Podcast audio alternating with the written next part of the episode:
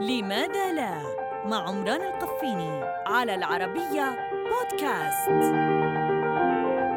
لماذا لا يستنسخون ديناصورات وقد عثروا على هياكلها؟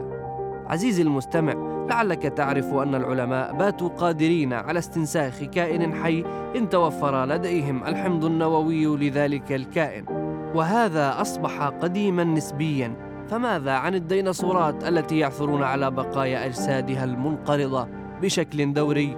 كان آخر ما عثروا عليه خمس بيضات لديناصور آكل للعشب وعمرها سبعون مليون عام.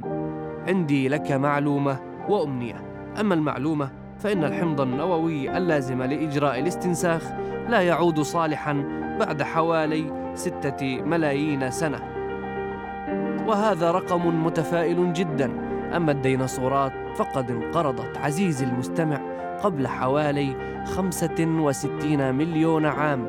على الأرجح أن كويكبا قطره عشرة كيلومترات أنهى حياة تلك الكائنات الضخمة.